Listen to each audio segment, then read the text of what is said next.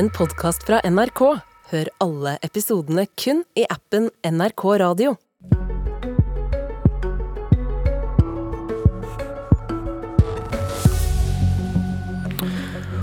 Om en halvtime skal Jonas Gahr Støre fortelle hvordan han skal ta kontroll over den norske vannkrafta. Men det er ikke den type kontroll kritikerne hans roper på. For det handler ikke om strømprisen, men om strømsikkerheten. Og bryter regjeringen budsjettavtalen med SV? Når kan vi si stopp? Når kan Norge holde på vannet i magasinene for å sikre at vi alltid har strøm? Velkommen politisk kommentator i NRK, Lars Nehru Sand. God morgen. God morgen. Et kvarter etter Politisk kvarter er det pressekonferanse med statsministeren og olje- og energiministeren. Hva vet vi om det som kommer? Sånn som jeg forstår det, så er det som kommer i dag et formelt regelverk som da skal begrense krafteksporten når det er lite vann i vannmagasinene. Mange vil huske at regjeringen etablerte en rapporteringsordning, eller eh, NVE gjorde det, eh, hvor kraftselskapene eller produsentene uke for uke måtte si hvor høy fyllingsgrad det var i magasinene, og sterkt ble oppmodet til eh, å ikke tømme magasinene fordi man i fjor høst høst frykta at, eh, at, det skulle være for lite vann sammenlignet med et normalt år. Det som skjer i dag, da, er at denne ordningen blir formalisert i et regelverk, eh, og at det også vil komme sanksjoner dersom man bryter det. Og, og dette er jo kun et eh, tiltak for forsyningssikkerheten, ikke for å gjøre noe med prisnivået på kort sikt. Det kanskje mest spennende å vente på er når denne ordningen skal tre i kraft, altså hvor lite eller mye mye vann må det være i magasinene før dette slår inn? Apropos pris. Hvis vi sparer på vannet i magasinene i tørre år, som fører til mindre kraft inn i markedet, vil ikke disse nye reglene bidra til høyere strømpris? Jeg tror vi skal snu litt på det og si at det vil jo være i ekstreme situasjoner hvor nok prisen allerede er høy for å begrense forbruket. Dette er et nødtiltak som handler om vår nasjonale sikkerhet. og Det er også da vi har juridiske muligheter, slik man tolker EØS-retten, til å faktisk eh, bryte de avtalene vi har da, med å ha fri flyt av, eh, av strøm i de kablene vi har. Så dette er ikke et pristiltak for å eksportere mindre eller bidra til eh, lavere pris her hjemme. Eh, det er et nødtiltak for å, å sikre eh, forsyningssituasjonen i Norge. Hvordan vet regjeringen at det de kommer med nå, ikke bryter med EØS-avtalen, som er ganske streng når det kommer til muligheten for å begrense eksport av strøm? Og Det er nok også derfor dette skjer litt på, på overtid, og senere enn regjeringen kanskje hadde sett for seg. Nettopp fordi man har brukt veldig mye tid på, på de juridiske avveiningene her. og det, Man må være helt åpen på at dette er regelverk som er lite anvendt. Situasjonen har sjelden kommet så på spissen i strømmarkedet som, man, som, det man ser for seg at kanskje skjer. Alle de uforutsette tingene som nå har skjedd etter Russlands invasjon. Eh, men man mener da, at så lenge dette handler om eh, forsyningssikkerheten, eh, det ikke er et pristiltak på kort sikt, men kun vil være i helt ekstreme situasjoner, så mener man at dette nybrottsarbeidet juridisk lar seg forsvare, og det er derfor man går god for denne ordningen nå så er det noen som ønsker at regjeringen skal gripe inn enda mer i markedet og begrense strømeksporten for å få lavere strømpris i Norge. Men dette mener altså regjeringen bryter med EØS-avtalen. Hvilken kritikk er vanskeligst å leve med for Støre og Vedum? Selv om det er få som vil kutte kablene helt og ikke ha dem der, så er det jo veldig mange som ber om mer nasjonal kontroll. Og Da tror jeg regjeringen i dag vil svare at eh, med det man nå gjør med eh, kraft- eller forsyningssikkerheten, det man allerede har gjort med eh, de som selger strømmen, det man har gjort med prisen til forbrukerne, så har man gjort store politiske inngrep for å sikre en politisk kontroll over kraftmarkedet, uten å gå på akkord med de juridiske og politiske økonomiske forpliktelsene vi, vi har, både med andre land, og, og, for å få dette markedet til å fungere. Eh, så har man da gjort noe på forbrukersiden og bruker penger på dette. Man har gjort noe på regelverk, man har gjort noe på fastprisordning.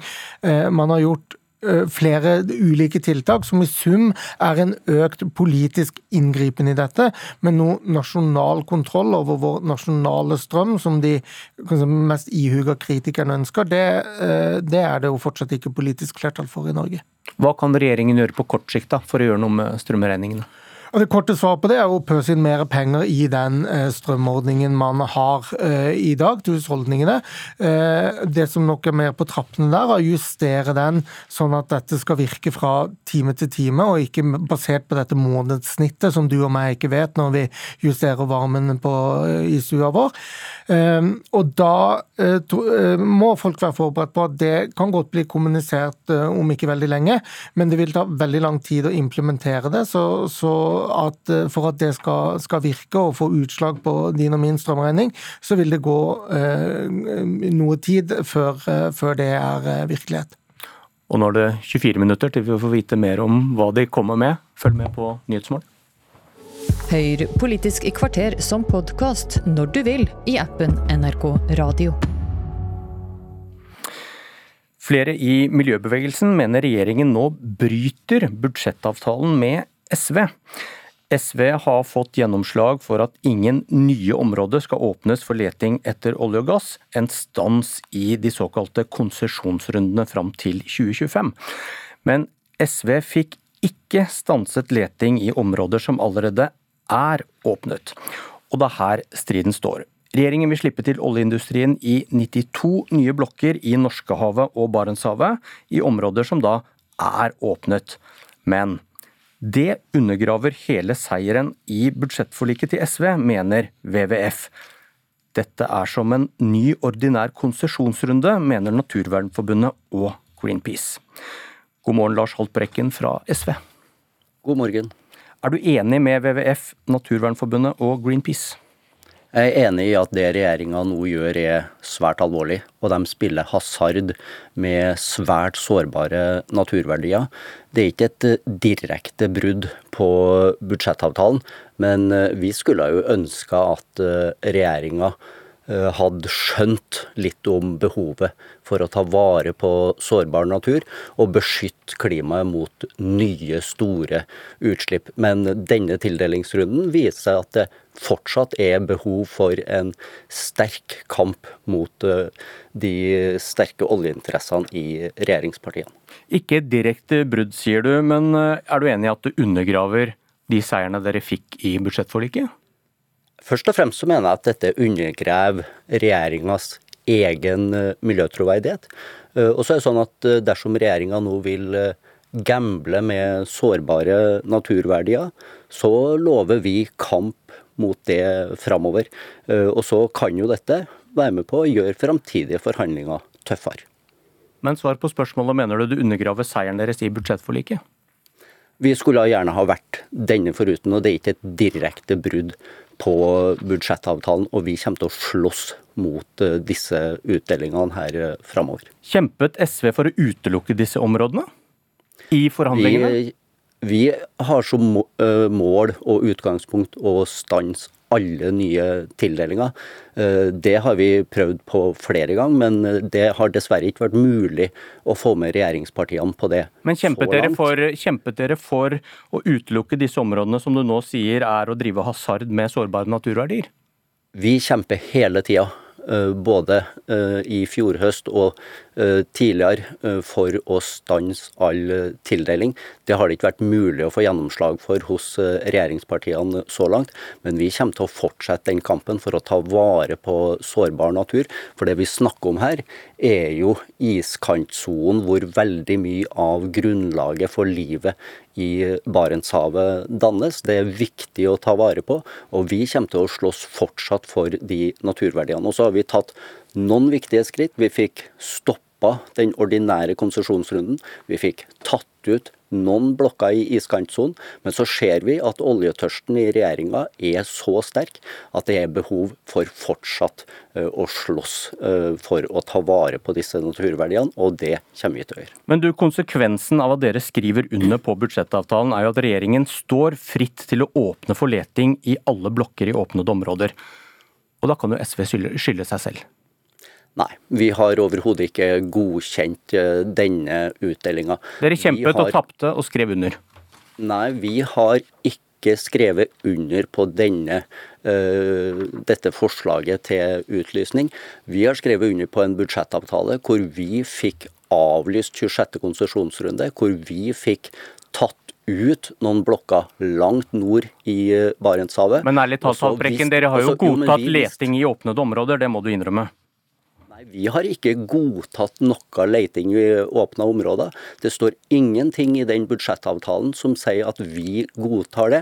Og hvis regjeringa nå ønsker å fortsette å gamble med sårbare naturverdier, ja, så kommer vi til å fortsette å slåss mot det. Og det viser at det er bare behov for enda sterkere kamp. Marianne Sivertsen Næss fra Arbeiderpartiet, god morgen. God morgen. Hvor nærme eksisterende oljevirksomhet må et felt ligge før du vil kalle det modent? Altså Den TFO-runden som nå er ute på høring, det er jo i områder som har vært åpna for leiting i over 30 år. Så Det er jo ikke noe, det har til og med vært tildelte tildelt letelisenser der før, og det har også vært bora i områder. Det ligger nært enten allerede funn som er gjort, eller etablert infrastruktur. Så det her er jo også innenfor den forvaltningsplanen og de rammene som man har satt gjennom Stortinget for hvor man skal kunne leite i de, og hvilke områder som skal være åpne. Men hvor nærme et Sånn hvor, hvor, hvor nærme et eksisterende oljevirksomhet må et felt ligge før du vil kalle det modent? Altså, Det skal jo ligge i allerede åpna områder, og som er gjort et godt kunnskapsinnhenting på om det her er forsvarlig.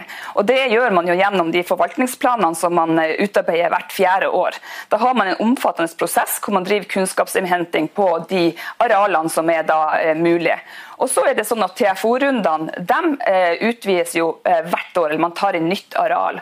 Og Det baserer seg jo på petroleumsfaglige vurderinger, og det også baserer seg på om man har fått noen ny informasjon siden den siste forvaltningsplanen ble utarbeidet, og som også som er god, eh, vedtatt i Stortinget. Så Det bygger jo både på brede faglige prosesser, men også brede politiske prosesser. Så det er jo ikke noe nytt eller overraskende med det som nå kommer i forbindelse med høringa til regjeringa på nye TFO-runder. Det er sånn som man har holdt på hvert år i alle år. Så eh, det her skal fortsatt drives på en forsvarlig og god måte, og så skal man ta særlig hensyn der hvor det er grunner til det. Haltbrekken, kan man kalle blokker som ligger 200-300 km fra nærmeste olje- og gassinfrastruktur for modent? Det enkle svaret på det er nei. Uthuler da regjeringen dette TFO-instituttet, hvor man tildeler nye blokker i allerede åpnede områder? På det er det også et enkelt svar ja.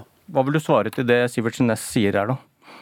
Dette er en sniktildeling av eh, områder som ligger langt fra eksisterende olje- og gassfelt som ligger lenger nord enn vi har drevet med olje- og gassvirksomhet eh, før. Man gambler med sårbar eh, natur.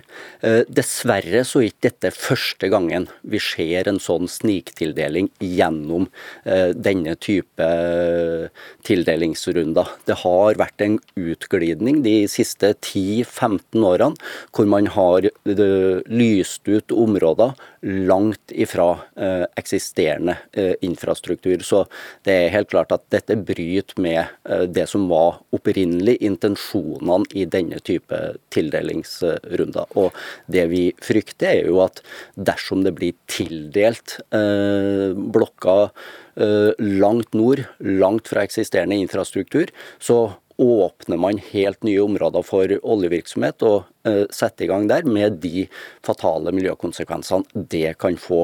Både for sjøfugl, for fisk og for annet liv i havet. Sivertsen Næss, uh, i regjeringsplattformen står det at klima og miljø skal vurderes mer helhetlig i TFO-rundene. Men i høringsbrevet står det ingenting om dette. Det står at det er petroleumsfaglige vurderinger. Hvor ble det av vurderingen av klima og miljø? Det er jo nettopp det som skjer nå når man sender ut på høring. Så får man høringssvar, og så vil man ta en omfattende og helhetlig vurdering både av høringsinnspillene og det faktagrunnlaget som man har. Og så må jeg bare si at Det er jo tull det som Haltbrekken sier.